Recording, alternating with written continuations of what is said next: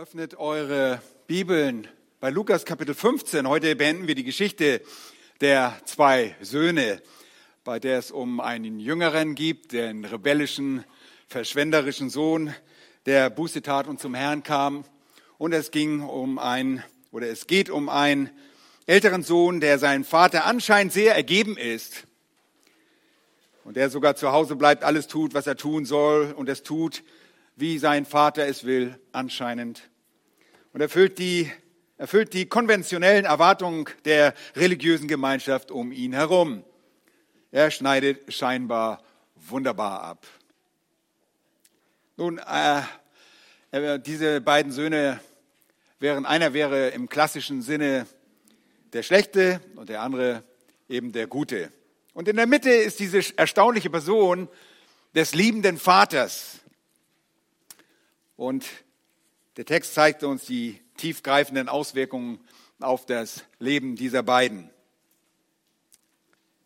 Nun, wie ich euch bereits gesagt habe, ist es wichtig, bei dieser Geschichte zu verstehen, dass diese Menschen sehr empfindsam waren in Bezug auf das Konzept der Ehre und Schande.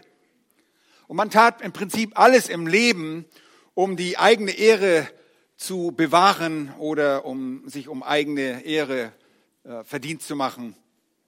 Es war sehr wichtig in dem System, das auf Gerechtigkeit durch Werke beruhte, ein ehrbarer Mensch zu sein. Man verdiente sich Gottesgunst, indem man gut und religiös und moralisch war, sich anpasste und alle Regeln befolgte, alle Verhaltensregeln der Gesellschaft. Und die Pharisäer, die sich selbst für ehrbar hielten, waren die Oberhäupter dieser jüdischen Religion. Sie glaubten, sie seien die Architekten der Ehre und könnten festlegen, was Schande sei. Und sie waren zu dem Schluss gekommen, dass diese ganze Geschichte einfach nur schändlich war. Alles, was da drin war. Und dass Jesus ein schändlicher, falscher Messias war, dass er in Wirklichkeit nicht von Gott, sondern von Satan komme. Und ihr wisst, sie sagten das Schlimmste über ihn was man sagen konnte. Sie erklärten seine Werke als Satanswerke und als Beweis dafür führten sie die Menschen an, mit denen Jesus verkehrte. Und wir sehen zu Beginn von Kapitel 15 einen weiteren Anlass, bei dem alle Zöllner und Sünder zusammenkamen, um Jesus zu hören. Und er zog die schlimmsten der Gesellschaft an, die Ausgestoßenen, den Abschaum der Gesellschaft den Dreck, die unbedeutenden, die zwielichtigen Persönlichkeiten, die aus der Synagoge exkommunizierten und die in der Gesellschaft verpönten. Menschen, in deren Nähe Pharisäer sich niemals aufhalten würden. Hoho, sie waren viel zu gut dafür, ähm, damit sie ihre vermeintliche Reinheit äh, nicht irgendwie verunreinigen würden. Und das war sogar ihre Kritik an Jesus. In Vers 2, dort in Kapitel 15, schaut einmal, da heißt es, dieser nimmt Sünder an und isst mit ihnen. Und jeder, der mit Sündern verkehrt, verrät letztendlich, dass er dazugehört. Und da diese Menschen von Satan sind, muss auch er von Satan sein. Nun, und deshalb verteidigt sich Jesus und er erzählt diese drei Geschichten dort in Kapitel 15. Und er sagt, er ist unter ihnen, weil sie verloren sind wie das Schaf, das der Hirte suchen und finden musste. Und er ist unter ihnen, weil sie verloren sind wie die Münze, die die Frau suchen und finden musste. Und er ist unter ihnen, weil sie verloren sind wie der sündhafte, verschwenderische Sohn, der den Vater empfängt und umarmt, weil er verloren war und jetzt wiedergefunden ist. Nun, verstehen Sie das Herz Gottes? Keineswegs, das tun Sie nicht. Sie verstehen nicht, dass der Himmel sich nicht an den selbstgerechten 99 Sündern erfreut, die meinen, sie bräuchten keine Buße. Sie verstehen nicht, dass Gottes Freude in der Errettung von Sündern begründet ist. Nein, sie sind weit von Gott entfernt. Und die Pharisäer und Schriftgelehrten, die Jesus hier kritisieren und schlecht machen, kennen Gott überhaupt nicht. Und diese Geschichten sollen dazu dienen, das klarzumachen. Und die dritte Geschichte ist die wichtigste von diesen Geschichten. Alles darin ist beschämend. Die Pharisäer lehnen sich gewissermaßen zurück und sie hören Jesus zu und sie denken nur, ach, Was für eine Schande. Und von an Beginn werden Köpfe geschüttelt und Augen gerollt. Man kann sich das so richtig vorstellen. Es gibt eine empörende Sache nach der anderen. Und sie denken, das ist wirklich eine beschämende Geschichte mit einer schändlichen Forderung, einer schamlosen Rebellion, einen schändlichen Absturz und dann noch einer beschämenden Buße. Und selbst der Vater gibt dem Sohn einen Empfang seiner, zu seiner eigenen Beschämung. Nun, ihr erinnert euch, der Vater sieht seinen Sohn und er empfindet Erbarmen. Wir haben das gerade gelesen. Und er rennt. Er rennt quer durch die Stadt, was ein Adliger im Nahen Osten nicht tut. Und das alles, was folgt, ist einfach nur inakzeptables, schändliches Verhalten. Er entblößt seine Beine, er lädt die Schande auf sich, die eigentlich der Sohn tragen müsste. Und er übersehnt den Kopf des Sohnes mit Küssen, was so viel sagt, ich nehme dich an, du bist mein Sohn, ich empfange dich als meinen Sohn, alles ist vergeben, alles ist vorbei. Und alles, was der Junge, der jüngere Sohn in Vers 21 vorbringt, ist, ich habe gesündigt gegen den Himmel und vor dir und ich bin nicht wert, dein Sohn zu heißen. Hier sehen wir einfach die Herrlichkeit der Errettung. Gott vergibt demjenigen, der darum bittet und Buße tut, ohne Werke. Und das ist Errettung aus Gnade. Und der beschämende Empfang geht in eine beschämende Versöhnung in Vers 22 über. Denn der Vater nimmt ihn nicht nur wieder als Sohn zurück, sondern was? Er gibt ihn auch alle Privilegien. Erinnert ihr euch? Er bekommt das Festgewand, den Ring und die Birkenstock an die Füße, die Sandalen. Und das verdeutlichen, verdeutlichen diese Gaben. Er hat die uneingeschränkte Macht der Sohnschaft, uneingeschränkte Autorität und uneingeschränkte Ehre, was nur ein Bild zur Errettung ist. Und wir kommen zu Vers 25 und es folgen drei weitere schändliche Dinge. Erstens eine schändliche Reaktion, zweitens beschämende Antworten und drittens eine beschämende Auflösung all dessen. Und allem ist der ältere Sohn jetzt beteiligt, um den es hier zum Schluss geht. Lasst uns erstens die schändliche Reaktion ab Vers 25 ansehen. Schaut in den Text. Aber sein älterer Sohn war auf dem Feld. Und als er heimkam und sich dem Haus näherte, hörte er Musik und Tanz. Und er rief einen der Knechte herbei und erkundigte sich, was das sei. Der sprach zu ihm, dein Bruder ist gekommen und dein Vater hat das gemästete Kalb geschlachtet, weil er ihn gesund wiederhalten hat. Nun, die Pharisäer warteten darauf, dass jemand etwas tut, wo man äh, dass man als das Richtige empfindet. Und hier ist jetzt dieser jemand, der ältere Sohn, der etwas tun wird, von dem die Pharisäer denken, dass er ehrbar ist. Das ist mal ein Kerl. Das ist einer von uns, denken sie. Und wenn sie ihm begegnen, begegnen sie sich selbst. Er ist tatsächlich einer von ihnen. Vers 25, sein älterer Sohn war auf dem Feld. Nun, er war an jedem Tag auf dem Feld und arbeitete, arbeitete und das hieß wahrscheinlich für so einen adligen Sohn, dass er irgendwo im Schatten unter dem Baum saß und guckte und sicherstellte, dass die anderen alle arbeiteten. Nicht er, aber immerhin, er passt auf. Aber er war draußen auf dem Feld. Und was hier auffällt, ist, dass der Vater keinen Boten auf das Feld sandte, um ihn sagen zu lassen, hey, dein Bruder ist zurückgekommen und wir werden feiern, komm nach Hause, Begrüß mal deinen Bruder, freue dich mit mir und hilf mir, diese Feier in Gang zu bekommen. Er war in der Familie immerhin der Hauptverantwortliche für die Planung von Feiern. Das war immer die Aufgabe des erstgeborenen Sohnes. Und die Feier war zur Ehre der Familie, nicht so sehr zu Ehren des zurückgekehrten Sohnes, sondern des Vaters, der ihn zurücknahm und der sich mit ihm aussöhnte. Und das ganze Dorf kam zusammen, um einen so liebenden, gnädigen und einen versöhnlichen Vater Ehre zu erweisen. Aber niemand hat sich die Mühe gemacht, um dem älteren Sohn auf dem Feld Bescheid zu geben. Warum tut das der Vater nicht? Nun, weil er weiß, dass der ältere Sohn weder Interesse an seinem Bruder noch Interesse am Vater hat. Er nahm seinen Teil des Erbes dahin und verteidigte zu keiner Zeit die Ehre des Vaters. Und er besaß keine Beziehung zu irgendeinem in der Familie.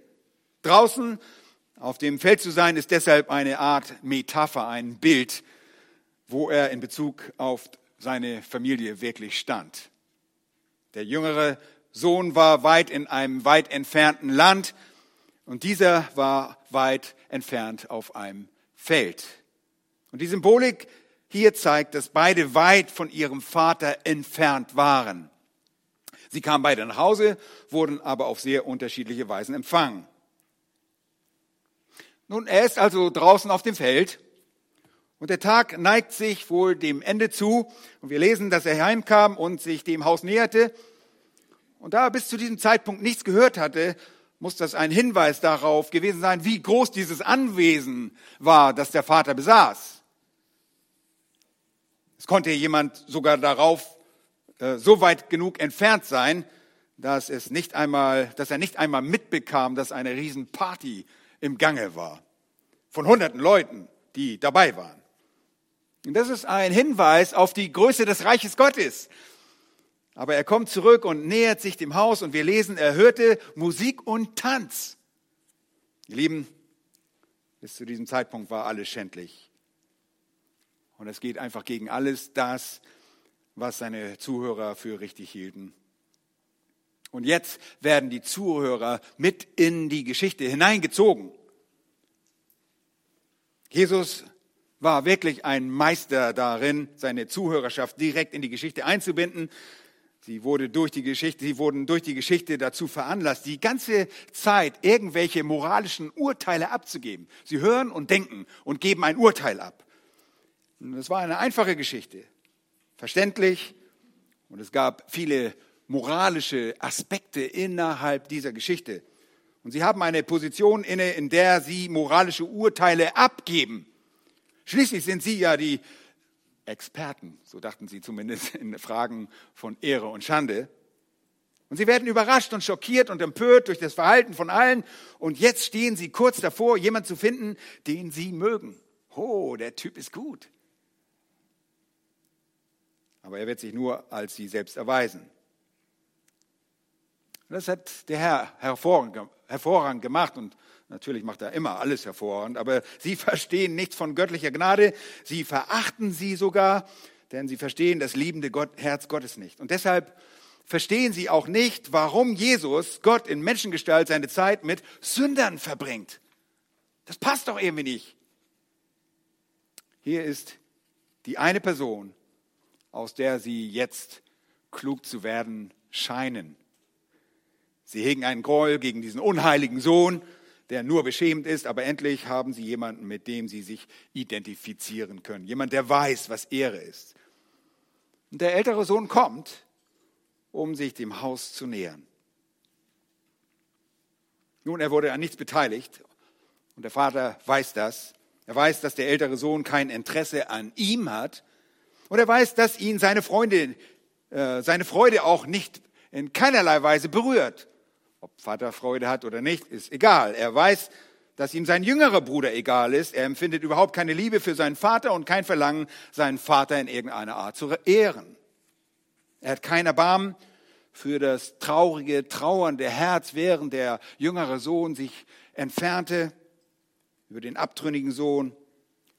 Nun, der ältere Sohn ist einfach ein Pharisäer. Das ist, ist was er ist. Er gibt vor, im Haus des Vaters geblieben zu sein, pflichtbewusst zu tun, was der Vater sagte.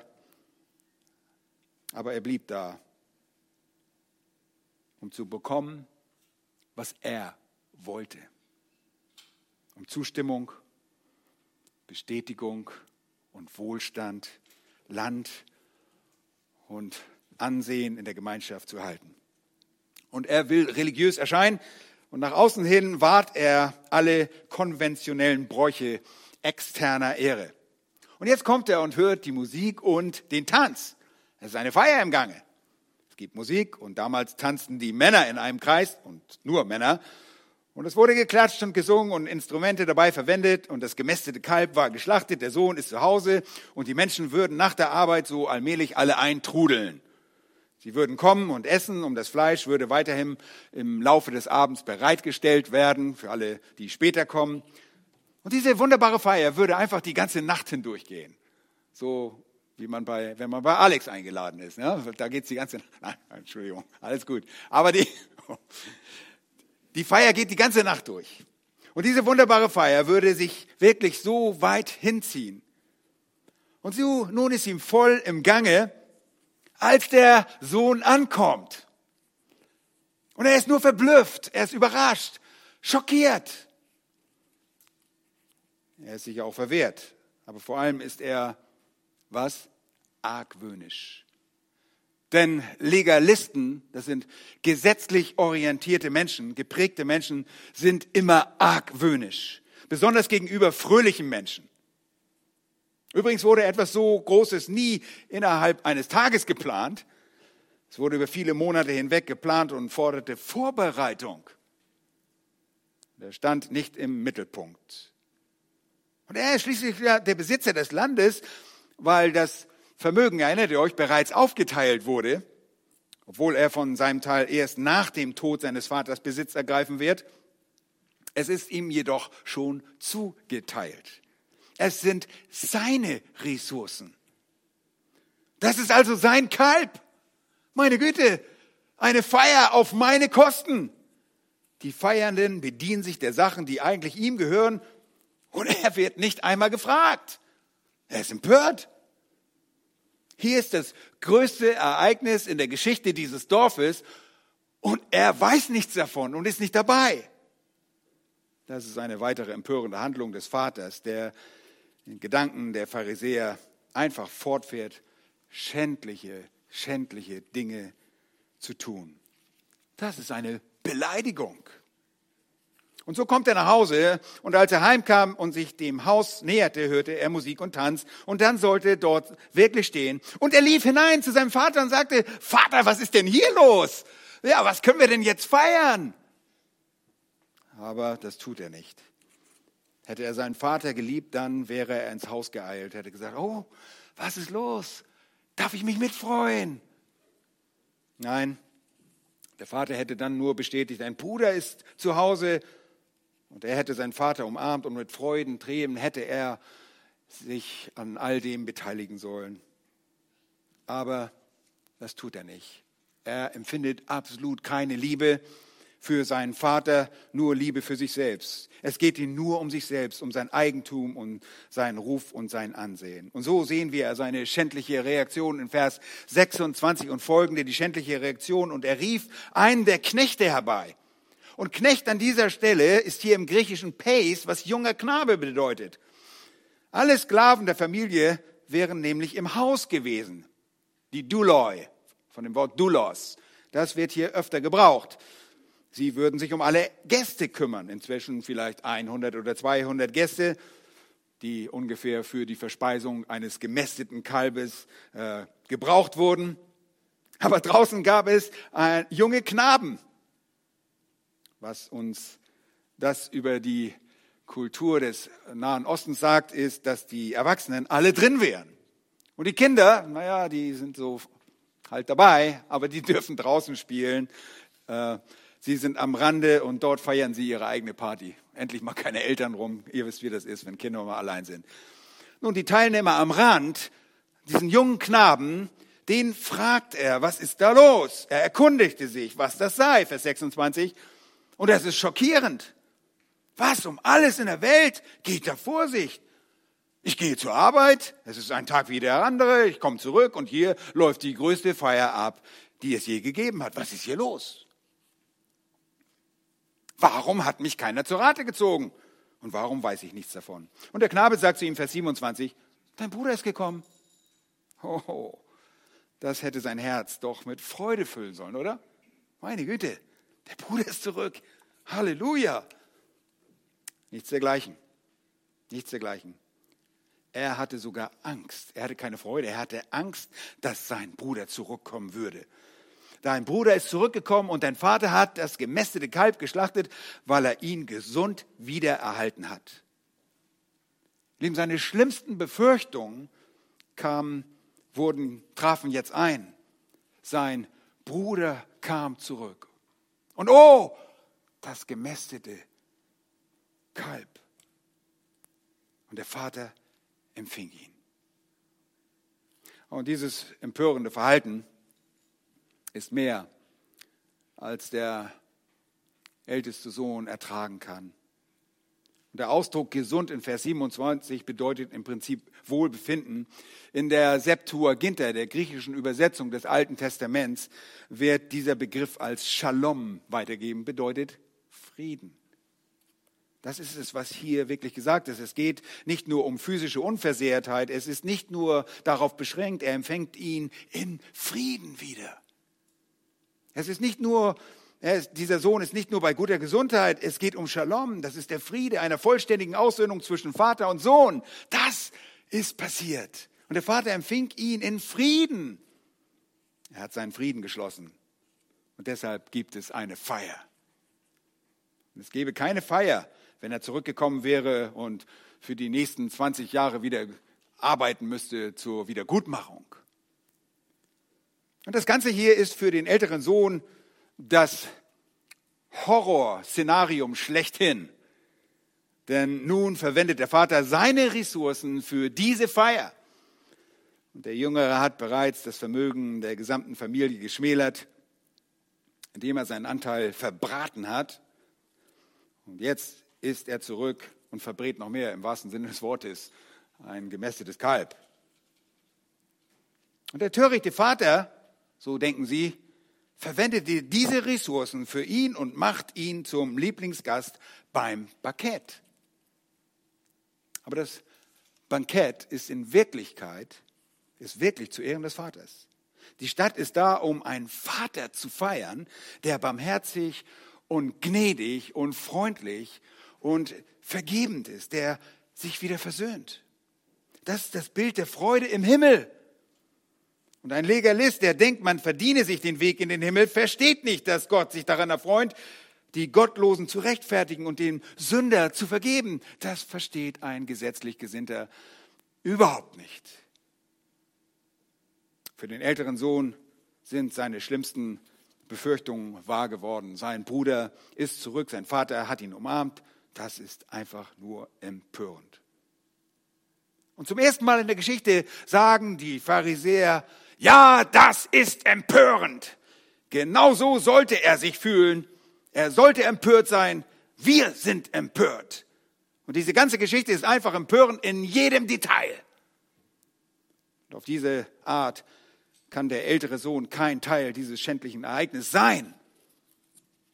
Sein jüngerer Bruder hatte sich selbst beschämt, sein Vater hatte sich kontinuierlich selbst beschämt. Hat die ganze Gemeinde an dieser schändlichen Feier beteiligt und er wird sich selbst nicht daran beteiligen. Da stand Vers, Vers 28. Da wurde er zornig und wollte nicht hineingehen. Natürlich nicht. Ganz klar, dass er das nicht wollte. Was sagt Jesus in Matthäus 23 zu den Pharisäern? Aber wehe euch, ihr Schriftgelehrten und Pharisäer, ihr Heuchler, dass ihr das Reich der Himmel vor den Menschen zuschließt. Ihr selbst geht nicht hinein und die hinein wollen, die lasst ihr nicht hinein. Es gibt für euch keinen Weg in das Reich, weil euer Verständnis der Rettung so verzerrt ist.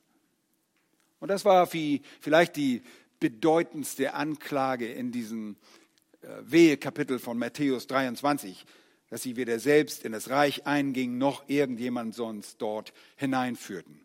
Später in demselben Kapitel sagte er, äußerlich erscheint ihr vor den Menschen als gerecht, inwendig aber seid ihr voller Heuchelei und Gesetzlosigkeit. Heuchler sind nicht in der Lage, äußerlich das Fleisch zu beherrschen, weil ihr Inneres verdorben ist. Und natürlich würde er deshalb nicht hineingehen. Er hasste die Vorstellung von Gnade. Ihm missfiel der Gedanke der Gnade. Und die sofortige Aussöhnung war ihm fremd. Und all das sagt er auch, wie wir gleich sehen werden. Aber bevor wir seine Rede anhören, möchte ich euch helfen, diese Art von Sünder zu definieren. Augustinus sagte, freier Wille ohne Gnade hat die Macht, nichts außer Sünde zu bewirken. Versteht ihr das? Freier Wille ohne Gnade hat die Macht, nichts außer Sünde zu bewegen. Damit hatte er schon vor langer Zeit recht. Und das gilt auch äußerlich oder heute noch. Der Sünder kann innerhalb seiner Kategorie wohl wählen, nämlich der Sünde, aber er kann nichts außer Sünde wählen. Das ist hier die Denkweise, die auch Martin Luther auf den richtigen Kurs brachte. Er kam zu der wunderbaren Wahrheit, zu der Einsicht, die alle von uns als das zentrale Element des Evangeliums kennen. Errettung durch Gnade allein, durch Glauben allein. Diese große Lehre der Stellvertretung zugerechte, zugerechnete Gerechtigkeit und all das haben wir gerade im Römerbrief betrachtet, war im Mittelalter verloren gegangen. Aber es führte zu Luthers Erkenntnis, dass Werke nichts bewirken können. Werke mögen gut scheinen und sie mögen es auf menschlicher Ebene auch sein. Das heißt, Werke helfen anderen Menschen in Freundlichkeit und Werke lindern auch die Not von Menschen. Menschen sind wohltätig und diese Werke sind wohltätig. Sie sind philanthropisch, was auch immer. Aber all das ist wirklich was? Sündhaft, wenn diese Dinge von nicht wiedergeborenen Menschen getan werden. Warum? Weil es diesen an Reinheit mangelt und an dem richtigen Motiv, nämlich der Ehre Gottes. Keiner dieser guten Werke, keine dieser Werke ist dazu gedacht, um Gott zu ehren. Alles, was nicht zur Ehre getan wird, geschieht zur Ehre des Menschen. Und das ist die größte aller Sünden. Und sie sind ein echter Ausdruck menschlichen Stolzes. Nun, wir sind froh darüber, weil sie besser sind als alle anderen Ausdrucksformen von menschlichem Stolz. Aber es ist wirklich eine Form von sündhafter Ausdrucksweise, die nur zum Wohl des Sünders geschieht. Und als solche vermehren gute Werke besonders, äh, wenn sie sich im Leben eines nicht wiedergeborenen Menschen stark häufen, die Selbsttäuschung Okay? Gute Werke vermehren die Selbsttäuschung der eigenen Güte. Jeder, der denkt, dass er durch seine guten Taten irgendetwas tut, was Anerkennung verdient und sich dabei auch noch Gunst bei Gott verdient, treibt die Täuschung, die Selbsttäuschung immer weiter. Er vergräbt durch die Täuschung die Wahrheit seiner Sünde immer tiefer, tiefer und tiefer in dem eigenen Herzen. Schicht um Schicht guter Werke machen es immer schwieriger, die Realität der eigenen Sündhaftigkeit zu sehen. Und die Werke des Sünders mögen nicht alle Verbrechen sein. Bitte versteht mich nicht verkehrt. Aber sie sind nicht ohne Sündhaftigkeit, weil sie aus persönlichen und weil sie aus egoistischen Motiven und zur persönlichen Bereicherung geschehen. Und sie bringen dem Menschen Ehre. Sie führen deshalb zur Selbstzufriedenheit und sie befriedigen das Ego des Menschen. Sie bringen Stolz und ein Gefühl des Wohlbefindens hervor und das täuscht den Sünder und das verstärkt die Sünde, weil sie stolz ist und Stolz ist die Spitze aller Sündhaftigkeit. Und deshalb, wenn wir Gutes ohne Gott tun und ohne Gnade, dann tragen wir zu unserem Stolz bei, indem wir unsere Sündhaftigkeit an ihrem verheerendsten Punkt verschlimmern. Wenn man dazu das nächste Element hinzufügt, äh, wenn ihr nämlich denkt, dass ihr durch diese guten Taten errettet werdet, dann habt ihr die verdammungswürdige Lüge eines Systems der Gerechtigkeit durch Werke. Dann glaubt man, dass man sich das verdienen kann. Und das ist wirklich stimmt. Habt ihr das verstanden? Drei Elemente. Sie sind Werke, die ihr für gut haltet, sie sind es aber nicht, weil sie für euch selbst sind. Zweitens, Ihr mehrt diese Werke, was euer Gefühl äh, des Stolzes erhebt, Wohlbefinden und Selbstzufriedenheit steigert und wiederum euren Stolz verstärkt und die Sünde umso schlimmer macht. Und drittens kommt dann noch die Illusion dazu, dass ihr euch durch diese Werke irgendeine gute Position bei Gott erarbeiten könnt. Und das ist Selbstgerechtigkeit. Je weiter ihr auf dem Weg voranschreitet, desto blinder werdet ihr. Und deshalb sagte Jesus auch zu den Pharisäern, sie sind blinde Leiter der Blinden. Und nach außen hin erscheinen sie rein, aber innerlich sind sie unrein. Nun, das ist, was mit religiösen Menschen passiert. Und ihr seht hier verdorbene, böse Menschen in der Geschichte. Das ist der offensichtlich rebellische Sohn. Und ihr seht sehr religiöse Menschen in der Geschichte. Und es geht nicht darum, dass jeder zu einem dieser beiden Extreme gehört, sondern darum, dass Gott seine mitfühlende, vergebende und versöhnliche Liebe jenen anbietet, die zu diesen Extremen gehört und allen, die dazwischen sind. Und wir alle gehören in irgendeiner Art und Weise in, in diese Bandbreite. Und ihr kennt das, weil unser Herr Jesus an dieser Stelle der Geschichte den Vater, der in Christus ist, sich selbst demütigen lässt. Und das ist erstaunlich. Schaut mal in Vers 28 lesen wir, sein Vater nun ging hinaus und redete ihm zu.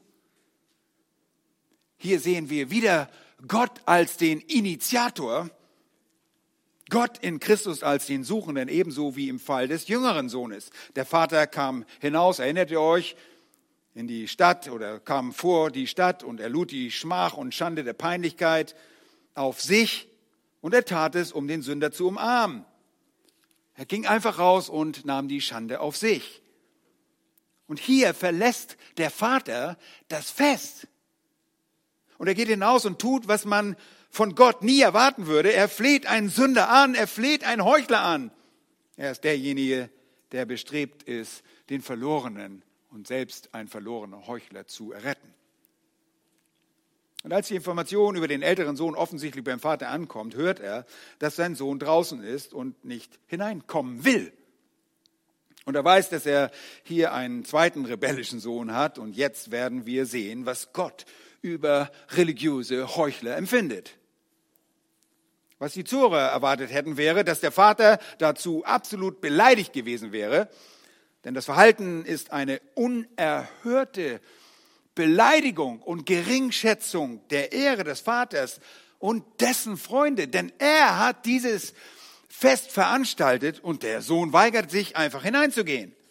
Und die traditionelle Reaktion im Nahen Osten wäre gewesen, den Sohn zu nehmen und ihn für eine solche Entehrung öffentlich zu schlagen. Kennen wir schon bei dem anderen Sohn, ne? als er seine schändliche Forderung gestellt hat, da hätte man ihm auch eine, einen Kinnhaken verpassen müssen.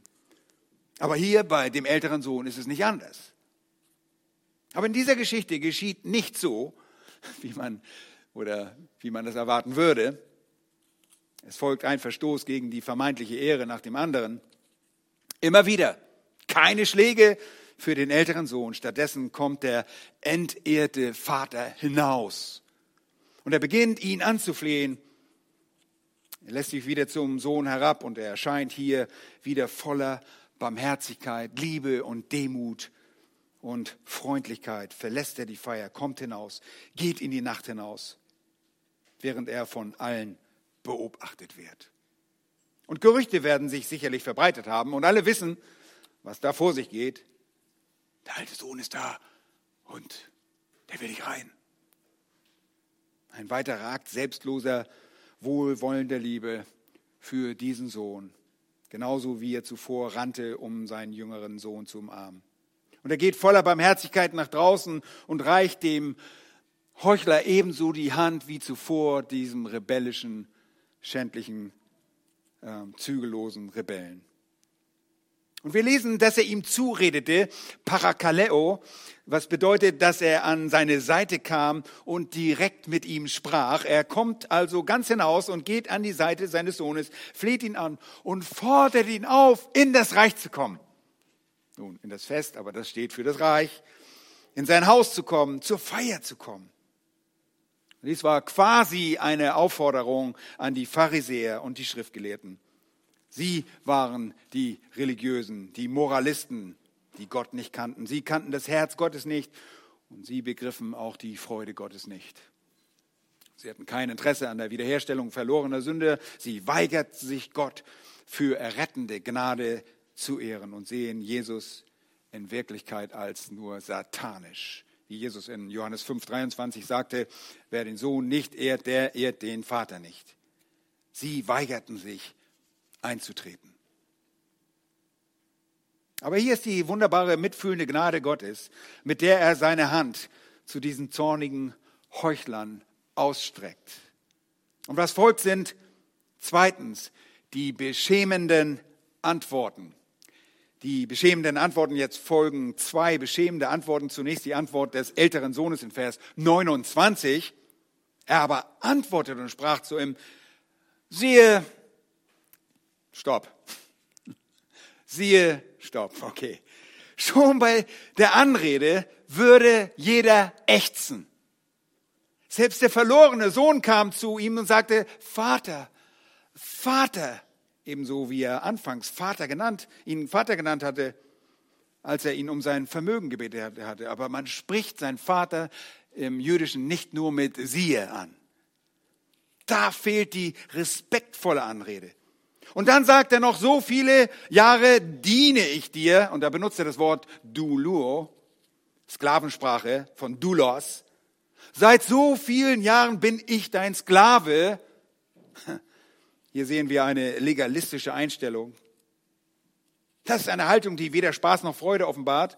Und es bedeutet darauf hin, dass dieser Sohn in seinem Herzen es als eine schreckliche Aufgabe ansah oder gesehen hat, etwas, wofür man die Zähne zusammenbeißt, sich über die Jahre hinweg geplagt hat, die eigene Sklaverei für diesen Menschen hinter sich bringt, damit er schließlich, wenn der Vater stirbt, das bekommt, auf das er aus war. So hat der ältere Sohn sich gesehen. Er war nicht anders als der jüngere Sohn. Er wollte das, was er wollte. Er beschritt nur einen anderen Weg, um es zu bekommen. Und er hatte nicht mal den gleichen Mut wie sein jüngerer Bruder. Er entschied sich, an Ort und Stelle zu bleiben und zu warten, bis der Vater stirbt und dann sein Erbe zu erhalten. Aber alles, was er tut, ist für ihn nichts weiter als Sklaverei. Bitter, missgünstig, verärgert über all die Jahre. Und wenn ihr wissen wollt, wie dieser Heuchler sich selbst sah, hier ist es. Und da sagt er, und ich habe nie dein Gebot übertreten. Oh, ouch. Wenn das nicht die Sprache eines selbstgerechten Heuchlers ist, dann weiß ich nicht, was es sonst ist. Das hört sich an wie bei dem reichen Jüngling, zu dem wir schon bald in Markus 10 kommen werden. Das ist der stolze Heuchler, der, weil er etwas Gutes getan hat, der Illusion erliegt, dass er gut sei weil er Gutes zur Befriedigung seines eigenen Egos und seines Stolzes getan hat, denkt er, er sei gut. Nun, er lebt in dieser Illusion, dass er niemals ein Gebot missachtet hat, das sein Vater ihm gegeben hat. Und das ist die erstaunliche Selbsttäuschung eines jeden Heuchlers. Er denkt nämlich was? Ich bin perfekt. Ich bin perfekt. Was so viel bedeutet, wie zu dem Vater sagen, well, übrigens Kumpel, du bist es nicht, ich bin perfekt. Ich verstehe, was Perfektion ist. Ich verstehe perfekte Gerechtigkeit und ich weiß, was perfekte Ehre ist. Ich weiß, wie man sich verhalten soll. Und du, Vater, du verstößt dagegen. Hm. Du hast den Typen, und damit meint er sein Bruder, du hast den Typen zurückgenommen. Du bist gerannt. Du hast Schande über dich selbst gebracht. Du hast ihn vor der Schande beschützt. Du hast ihm vergeben. Du hast ihn umarmt, du hast ihn geküsst, du hast ihm die volle Sohnschaft gewährt, du hast ihm Ehre, Autorität und Verantwortung gegeben. Du hältst diese enorme Feier für einen unglaublich unwürdigen Sünder. Ich bin perfekt und du bist es nicht. Wie gesagt, dieser Sohn empfindet keine Liebe für den Vater, das merkt ihr wohl jetzt äh, ein bisschen. Er ist nicht an der Liebe des Vaters für seinen jüngeren Bruder interessiert und er hat nicht das Verlangen, an der Freude des Vaters teilzuhaben. Er empfindet diese Freude einfach nicht. Für gar nichts. Und er hält sich immer noch für perfekt und braucht keine Buße. Das ist übrigens die klassische Illustration eines Heuchlers. Verärgert, bitter, mit einer Sklavenmentalität. Kennen wir auch in der Gemeinde. Manchmal sagen Leute, oh, ich muss immer alles das tun, ich muss das tun, ich muss das tun. Das ist die Sklavenmentalität. Und wisst ihr, was Gott dazu sagt? Niemand, niemand, absolut niemand gereicht in das Reich Gottes ohne Buße. Und das ist die klassische Heuchelei. Und hier sind die Pharisäer und die Schriftgelehrten. Hier ist der äh, religiöse Heuchler sozusagen im Hause Gottes, der seine Zuneigung zu Gott öffentlich bekennt, geistliche Festgewänder trägt. So liefen sie nämlich immer rum. Oder gewisse Arten von Ritualen beiwohnt, gewissen religiösen Aktivitäten, Moralität an der Öffentlichkeit zur Schau stellten. Nach außen hin befolgten sie alles. Und das tut der Heuchler auch. Er hält alle Regeln, aber er hat keine Beziehung zu Gott. Die Ehre Gottes ist ihm egal. Keine Freude, kein Verständnis der Gnade, überhaupt nicht. Aber der Sohn ist noch nicht fertig. Denkt nicht, dass er schon vorbei ist. Er fährt seine Krallen noch weiter aus gegen seinen eigenen Vater, denn er sieht diesen jetzt als Sünder. Er sieht seinen Vater als jemanden, der die Maßstäbe der Gerechtigkeit verletzt, dessen Maßstab, dessen Quelle er selbst ist. Und er sagt, ich habe nie dein Gebot übertreten. Und mir hast du nie einen Bock gegeben, damit ich mit meinen Freunden fröhlich sein kann. Ich war derjenige, der gearbeitet hat und ich bekomme nicht mal eine Ziege. Er hat nichts für dich getan und bekommt das gemästete Kalb. Das ist nicht fair, das ist nicht recht und billig, das ist ungerecht. Und damit sagt er quasi, Vater, ich brauche nicht um deine Vergebung zu bitten, ich habe nichts getan. Aber ich sage dir etwas, du musst mich um Vergebung bitten für das, was du getan hast. Könnt ihr sehen, wie hier geredet wird? Und das ist die Empörung der Heuchelei und Gesetzlichkeit und er denkt, der Vater muss ihn um Vergebung bitten. Und die Pharisäer werden sich mit dem älteren Sohn jetzt liebend gerne identifizieren. Oh ja, sagen sie, das ist richtig, das ist die richtige Haltung. Der Vater ist wirklich ein Bösewicht. Der jüngere Sohn ist sicherlich auch böse, aber der Vater, der ist der wirklich Böse. Er ist derjenige, der alle konventionellen Maßstäbe für Respekt und, Ehre verletzt hat. Nun, der, ältere Sohn verrät sich hier ein bisschen und er sagt, mir hast du nie einen Bock gegeben, damit ich mit meinen Freunden fröhlich sein kann. Achtet mal auf das, das äh, Besitzanzeigen befürwortet. Meinen Freunden. Er beschuldigt seinen Vater einer ungerechten Begünstigung, aber er weist auch auf die Tatsache hin, dass eine Feier seinerseits weder seinen Bruder noch seinen Vater einschließen würde. Er lebt in einer völlig anderen Welt, hat völlig andere Freunde. Er ist zu Hause, aber er hat keine Beziehung zu seiner Familie. Alle seine Freunde sind außerhalb der Familie. Er feiert mit jenen, die so denken wie er. Er feiert mit jenen, die keinen Kontakt zum Vater haben. Er versteht die Liebe, des Erbarmen und die Vergebung und die Freude des Vaters überhaupt nicht. Ist nur verärgert, nachtragend. Und er denkt, er habe so lange als Sklave gearbeitet. Und was hat er bekommen? nichts. Und wenn er bekommt, was er will, wird es keine Feier mit der Familie geben, weil er keine Beziehung zu dieser hat. Sein Vater ist für ihn nichts weiter als was? Ein Sklavenbeherrscher. Er wird seine Feier mit seinen Kumpeln abhalten. Das ist eine so deutliche Beschreibung der Pharisäer. Die haben auch mit ihresgleichen gefeiert, aber niemals mit Zöllnern und Prostituierten und solchen, die umgekehrt sind. Und wenn er wirklich bekommt, was er bekommt, feiert er mit seinen Freunden. Und das ist die Zeit, wo der ältere Bruder jetzt wünscht, der Vater wäre tot. Er hätte es sich wahrscheinlich so gewünscht, wenn er ein echter Mensch gewesen wäre. Ihr wisst, dies ist eine Geschichte, die der Herr Jesus als Gleichnis erzählt. Denn sein Vater ist ihm sowas von egal. Schließlich vergeudet sein Vater das Vermögen für den anderen Sohn, einen verdorbenen Sohn, der nach seinem eigenen Eingeständnis unwürdig ist. Und wenn sein Vater nur tot wäre, Wäre all das vorbei, dann würde er alles besitzen und könnte mit seinen eigenen Kumpeln Party machen, den Vater von der Bildfläche verschwinden lassen und alles wäre einfach nur gut. Alles wäre dann so, wie es sein sollte. Alles wäre wieder ehrbar. Aber es geht weiter. Vers 30 zeigt eine weitere Beleidigung des väterlichen Charakters, seiner Integrität und Tugend. Nun aber, schaut mal da, da dieser dein Sohn, ja, er ist nicht mal sein Bruder. Er bezeichnet ihn nicht als seinen Bruder, weil so viel Verachtung in ihm steckt. Nun aber, da dieser dein Sohn gekommen ist, der dein Gut mit Huren vergeudet hat, hast du für ihn das gemästete Kalb geschlachtet. Du gabst mir keinen Bock, aber du schlachtest das gemästete Kalb für ihn. Diesen deinen Sohn. Seht ihr die Verachtung? Puh. Er wusste, dass der Jüngere all sein Geld mit Huren vergeudete. Und hier läuft eine Feier mit Musik und Tanz, weil dieser Vergeuder zurück war.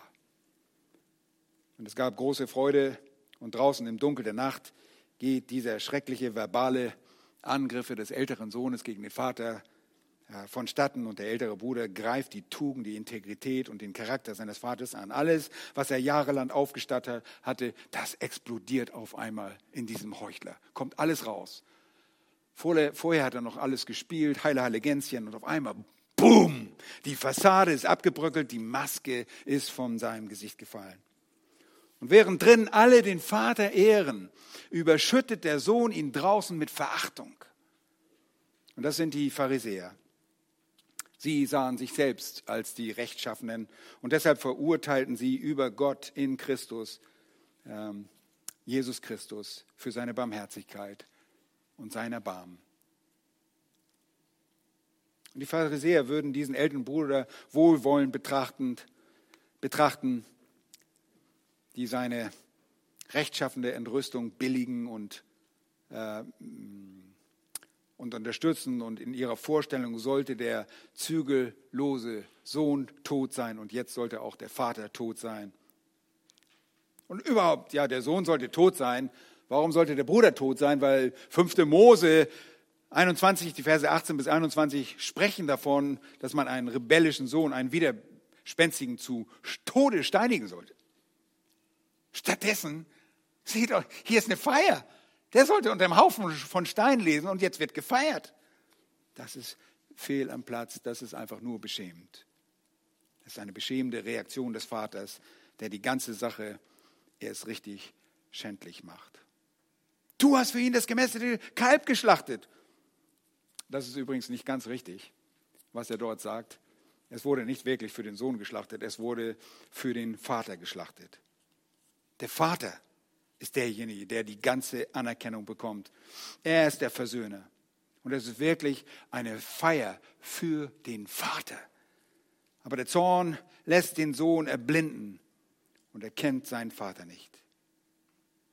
Ihr Lieben, der Vater ist die Hauptperson dieser Feier, denn alle für solch liebevolle, der allen diese liebevolle Vergebung schenkt und den sie alle dafür ehren, dass er Vergebung gegeben hat.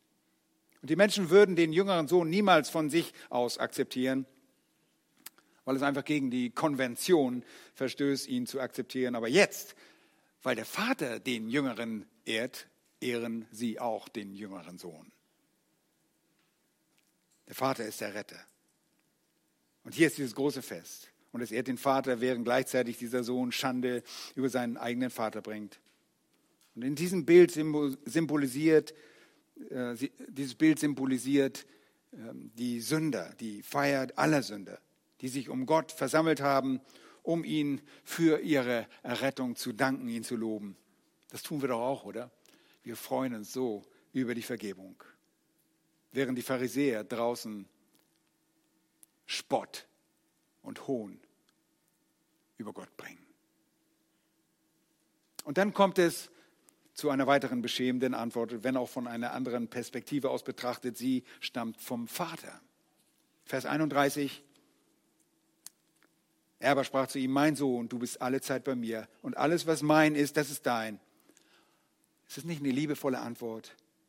Der Vater sagt, mein Sohn, Technon ist hier das Wort. Achtmal kommt in diesem Absturz Sohn vor, das Hyos, das förmlichere Wort für Sohn. Und hier benutzt er das Wort Technon, mein Sohn, mein Kind. Und das drückt seinen Kummer aus, sein Mitgefühl, seinen Schmerz, seine mitfühlende Liebe und Barmherzigkeit. Er spricht zu ihm mit einnehmenden Worten. Und das ist das Herz Gottes in Bezug auf einen verdorbenen Heuchler.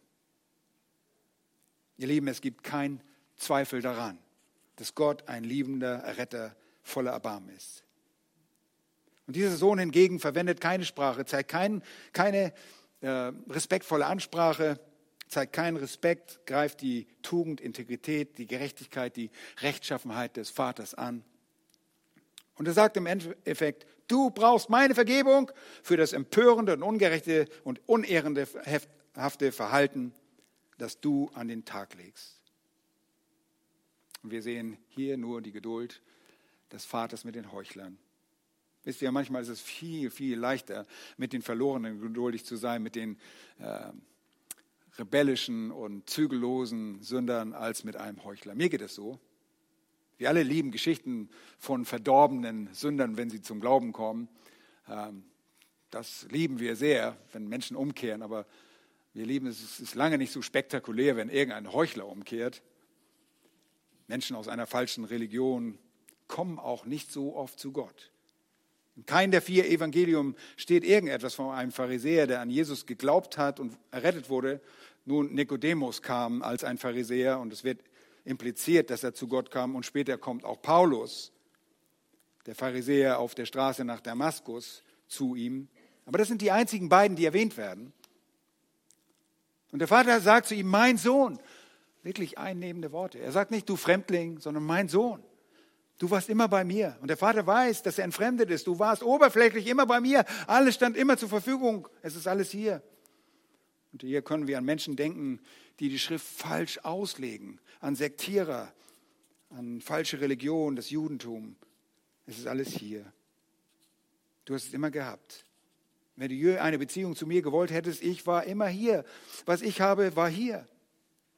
Und seht, was er sagt. Alles, was mein ist, ist deins. Ich muss es nicht einmal aufteilen. Und hier ist das Bild der Großzügigkeit Gottes. Das Bild von der Endlosigkeit seiner Gnade und seiner Ressourcen. Es steht alles zur Verfügung für denjenigen, die zu ihm kommen. Aber mit deiner Einstellung wird es dir nie gehören. Du wirst es nie durch Werk erlangen. Du wirst es dir nie verdienen. Aber es ist hier wenn du eine Beziehung mit mir eingehen willst, eine Beziehung mit mir eingehen willst. Und mit Vers 32 kehrt er dann zum Hauptthema zurück und damit kommen wir auch zum Schluss und zeigt uns die beschämende Auflösung, wie der Herr das auflöst und aufzeigt, dass die Lösung und die, der beschämende Vorsatz natürlich aus Sicht der Pharisäer beschämend ist und von Menschen aus betrachtet, menschlicher Sicht. Der Vater sagt gewissermaßen, wir mussten fröhlich sein bei diesem Fest. Nicht im Sinne von Pflicht, sondern es ist uns so gegeben, dass wir uns freuen. Es war nicht so, als ob wir uns dazu zwingen mussten, denn dieser, dein Bruder, war tot und ist wieder lebendig geworden und er war verloren, ist wiedergefunden. Wir hatten keine Wahl, wir konnten nur feiern. Warum? Das ist es, was Gott Freude bereitet und auch uns Freude bereitet. Das ist die Freude, des Himmels. Sie lässt sich nicht zurückhalten. Sie ist nicht dazu da, um zu sagen, okay, später werden wir uns freuen, sondern Freude über einen verlorenen Sündern ist augenblicklich. Und deshalb fing sie an zu feiern. Diese Freude ist nicht dazu da, zurückgehalten zu werden. Und die Freude des Himmels wird freigesetzt, nicht nur für einen Verlorenen, nicht nur für jemand, der unmoralisch und unreligiös und offenkundig sündhaft ist, sondern auch für heimliche Sünder, für Rebellen und Heuchler, die Moralisten, diejenigen, die, deren ganze Gesetzlosigkeit im Innern steckt. Und der Herr zeigt hier, ich gehe auf die Straße für den Verlorenen und ich gehe in den Hof für dich. Ich erniedrige mich und lade die öffentliche Schande für den schamlosen Verlorenen auf mich und ich erniedrige mich und lade die öffentliche Schande für dich auf mich. Ich komme voller Erbarmen, Liebe und Vergebung und ich bin bereit, dich zu umarmen und zu küssen und dir die volle Sohnschaft mit all ihren Privilegien zu geben. Nicht nur, wenn du der Verlorene bist, sondern auch, wenn du der Heuchler bist. Und er lädt ihn in Wirklichkeit ein, errettet zu werden. Du kannst zu der Feier kommen, sagt er, wenn du willst, wenn du deinen wahren geistlichen Zustand erkennst. Wenn du nach Hause kommst, kannst du alles in Besitz nehmen, das schon immer da gewesen ist. Der jüngere Sohn war überwältigt von der Gnade seines Vaters. Und ihr wisst, er bekannte seine Sünde sofort. Absolute Versöhnung. Alle Rechte und Privilegien wurden ihm wiedergegeben. Und er feierte die Freude des Vaters mit ihm. Das ist ewige Rettung. Und wie ich schon gesagt habe, die Freude hat im Himmel für immer Bestand. Und der ältere Sohn, dem die geistliche oder die gleiche vielmehr Zärtlichkeit, die gleiche Freundlichkeit, die gleiche Barmherzigkeit und die gleiche Gnade entgegengebracht wurden, reagiert mit bitterer Missgunst und greift die Tugend und die Integrität des Vaters an. Und sein Vater appelliert hier ein letztes Mal ein, mein Sohn, es ist alles hier. Wir mussten feiern, das ist praktisch impliziert. Und wir werden auch für dich feiern, wenn du kommst. Und das Gleichnis hört in Vers 32 sehr abrupt auf. Absolut. Man schließt eine Geschichte nicht ohne ein Ende ab. Und das ist ein gezielter Schock in der Serie von Erschütterungen. Nach all dem erwartet man und sagt, na komm schon, was, was kommt dabei raus? Was wird daraus? Es ist ein langer Witz ohne einen überraschenden Schlusseffekt. Es ist wie ein langer Witz, es ist kein Witz. Und wir alle fragen uns das Gleiche. Was hat der ältere Sohn getan? Die Gäste sind alle da, die Gäste warten, sie wollen wissen, kommt er rein? Kommt er rein? Nachdem sein älterer Sohn, er seinen älteren Sohn umarmt und geküsst und der vielmehr den jüngeren Sohn umarmt und geküsst hat und dieser Buße getan hat, wollen sie wissen, ob der Ältere auch kommt, ob er auch reinkommt, ob er seine lange Heuchelei zu Ende bringt. Sie wollen wissen, ob ihm vergeben wurde, ob es eine Aussöhnung gab. Sie wollen es Sie würden es lieben, wenn der Vater mit ihm im Arm umschlungen in dieses Fest, zu diesem Fest kommen würde. Wäre das nicht wunderbar, wenn der Ausgang so wäre? Wisst ihr, es gibt viele Geschichten wie diese, wo man das Ende einfach selbst sich zurechtlegt. Und übrigens, diese Geschichte sind zwei Hälften unterteilen, rein technisch gesehen. Die erste Hälfte hat acht Strophen und die befassen sich mit dem jüngeren Bruder. Die zweite hat sieben Strophen und sie befassen sich mit dem älteren Bruder. Und rein technisch gesehen ist das eine Asymmetrie. Das ist sehr wichtig. Eine Symmetrie in der Literatur war sehr wichtig hier in, in der Literatur und man sagt, das ist unvollständig, da stimmt irgendwas nicht. Und das wäre so im Nahen Osten so konzipiert, dass man fragen würde, wo ist der Schluss? Wo ist der Abschluss? Das Ende ist nicht da. Und wir würden liebend gerne selbst ein Ende schreiben. Und vielleicht etwa so. Und der ältere Sohn fiel vor seinem Vater auf die Knie und sagt, ich bereue meine lieblosen, kalten Dienst, meinen Stolz und meinen Egoismus. Vergib mir, Vater. Mache mich zu einem wahren Sohn. Nimm mich mit zum Fest. An diesem Punkt umarmte und küsste der Vater ihn, nahm ihn mit hinein und setzte ihn an den Tisch seines Bruders. Und alle freuten sich über die Söhne, die mit ihrem liebevollen Vater versöhnt waren. Wäre das nicht ein schönes Ende? Aber es liegt nicht in unserer Macht, das Ende zu schreiben. Das Ende schrieben die Pharisäer letztlich durch ihr Handeln selbst. Und zwar etwa so.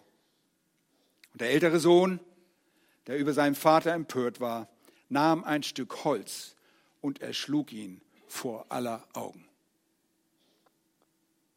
Das ist das Ende. Das ist das Ende, das sie schrieben. Das ist das Kreuz, an dem sie Jesus nur wenige Monate später töteten. Und sie gratulieren sich zu ihrer rechtschaffenden Tat, die die Ehre Israels und des Judaismus ist, bis zu diesem Tag. Was für eine Ironie. Dass der Vater, der den Sohn hätte schlagen sollen, von dem Sohn selbst quasi zu Tode geprügelt wurde. Und doch wirkte unser Vater im Himmel aus diesem schrecklichen Ende durch seinen Sohn unsere Erlösung. Die letzte beschämende Auflösung der Geschichte ist das Kreuz. Und genau daraus hat der Vater unsere Erlösung gewirkt, denn an diesem Kreuz starb sein Sohn, um unsere Sünden zu tragen. Was die Führer Israels Böses taten, hat der Herr letztlich gut sein lassen. Wir danken ihm für diese herrliche Errettung. Und daran wollen wir uns beim Mahl des Herrn heute dankend erinnern, dass wir jetzt gleich feiern werden. Lasst uns nur kurz unsere Häupter für einen Moment beugen. Und ich stelle euch eine Frage. Denn ich weiß nicht, wo du dich in dieser Geschichte siehst. Wir sind alle in dieser Geschichte anzutreffen. Entweder bist du der offene oder der verborgene Sünder. Oder ein gewisser Grad davon. Oder du bist auch schon beim Vater und du identifizierst, identifizierst dich wirklich mit dem Herzen des Vaters. Und meine Frage ist, bist du einer der Leute auf der Party? Hast du dich als einer der Erlösten um ihn versammelt, um zu feiern? Und ich hoffe, dass das der Fall ist. Aber wenn du noch immer von Gott entfremdet bist und in Sünde lebst oder vor Gott in heimlicher Gesetzlosigkeit lebst, und du innerlich verdorben bist, dann komm heute, komm heute zum Vater, der die Schande für dich getragen hat, der für dich den Sohn gesandt hat, der herabgestiegen ist und die Scham auf sich nahm. Oh komm, komm heute in Jesus zum Vater, der all das tat, um dich zu umarmen und vor der Schande zu schützen, die du verdienst.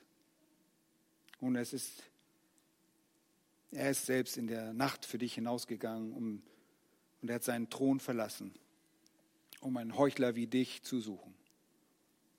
Das ist unser gnädiger und guter Gott, der sich an Barmherzigkeit erfreut und seine Freude in der Vergebung findet. Herr, rette du. Danke, dass du so gut bist. Herr, und wenn wir jetzt auch das Mahl feiern, dann nur, weil du so gut bist. Wir lieben dich. Amen.